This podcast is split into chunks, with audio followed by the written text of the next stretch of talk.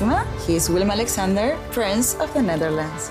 How did an Argentinian lady end up on Wall Street? That's a long story. Well, I have time. Mama, Oh, het is Maxima.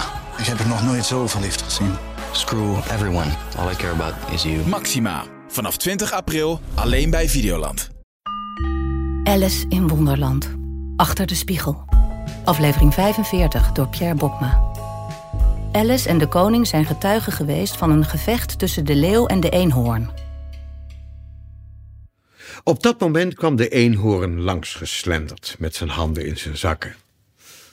Toch duidelijk gewonnen dit keer, zei hij tegen de koning met alleen een korte blik tijdens het passeren. Enigszins, enigszins gaf de koning een beetje nerveus ten antwoord. U had hem niet met uw hoorn moeten doorboren, weet u? Heeft er niks aan overgehouden, zei de eenhoorn zorgeloos, en hij was al bezig zijn weg te vervolgen toen zijn oog toevallig op Alice viel. Hij keerde zich ogenblikkelijk om en stond haar een poosje aan te kijken met een uitdrukking van de diepste weerzin. Wat is dat? zei hij tenslotte. Het is een kind, reageerde Haas enthousiast, terwijl hij voor Alice ging staan en zijn beide handen naar haar uitstrekte op een Batavieren manier. Hebben we net vandaag eh, gevonden, levensgroot en dubbel echt. Ik heb altijd gedacht dat het monsters uit een fabel waren, zei de eenhoorn. Is het van vlees en bloed? Het kan praten, zei Haas plechtig.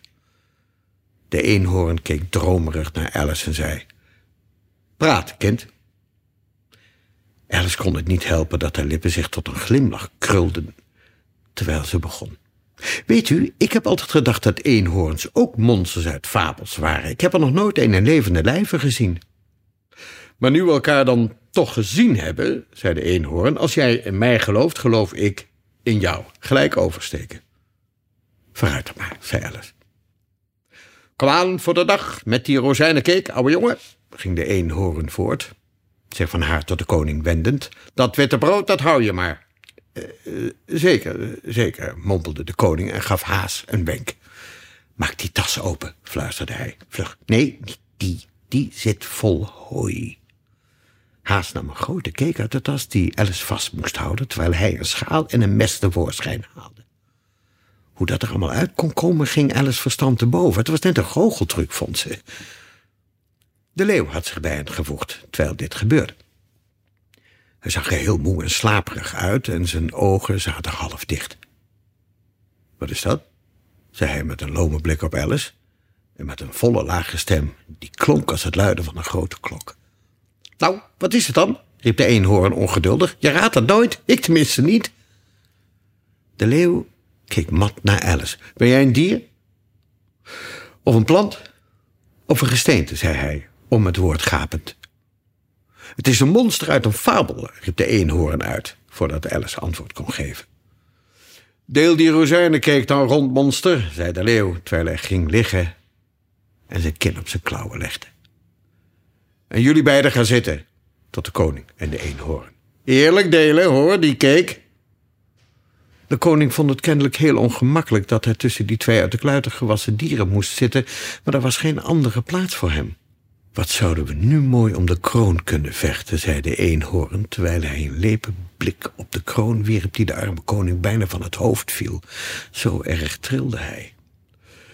Ah, ik zou met gemak winnen, zei de leeuw. Dat weet ik nog zo net niet, zei de eenhoorn. Wat?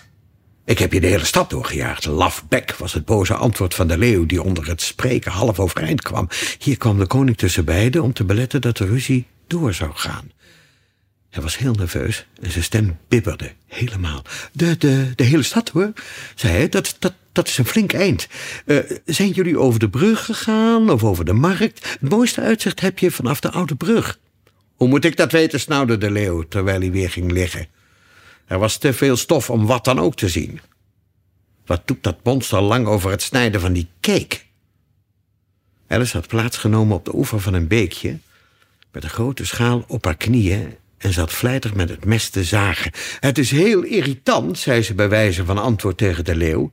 Ze raakte er helemaal aan gewend om het monster genoemd te worden. Ik heb al een paar stukken gesneden, maar ze raken steeds weer aan elkaar vast. Ja, jij weet niet hoe het moet met spiegelpunten, merkte de eenhoorn op. Eerst ronddelen, daarna snijden.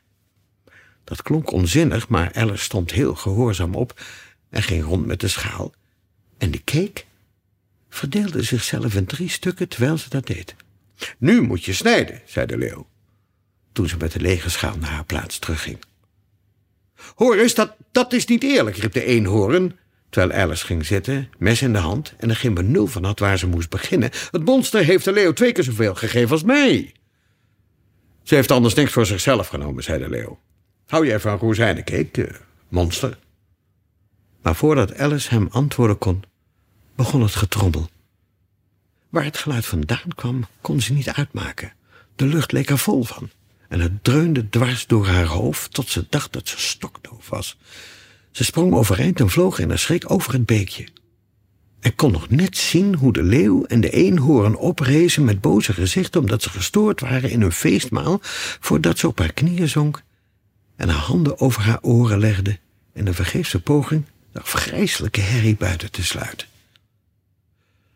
Als dat ze niet wegtrommelt, dacht ze bij zichzelf, helpt er niks meer.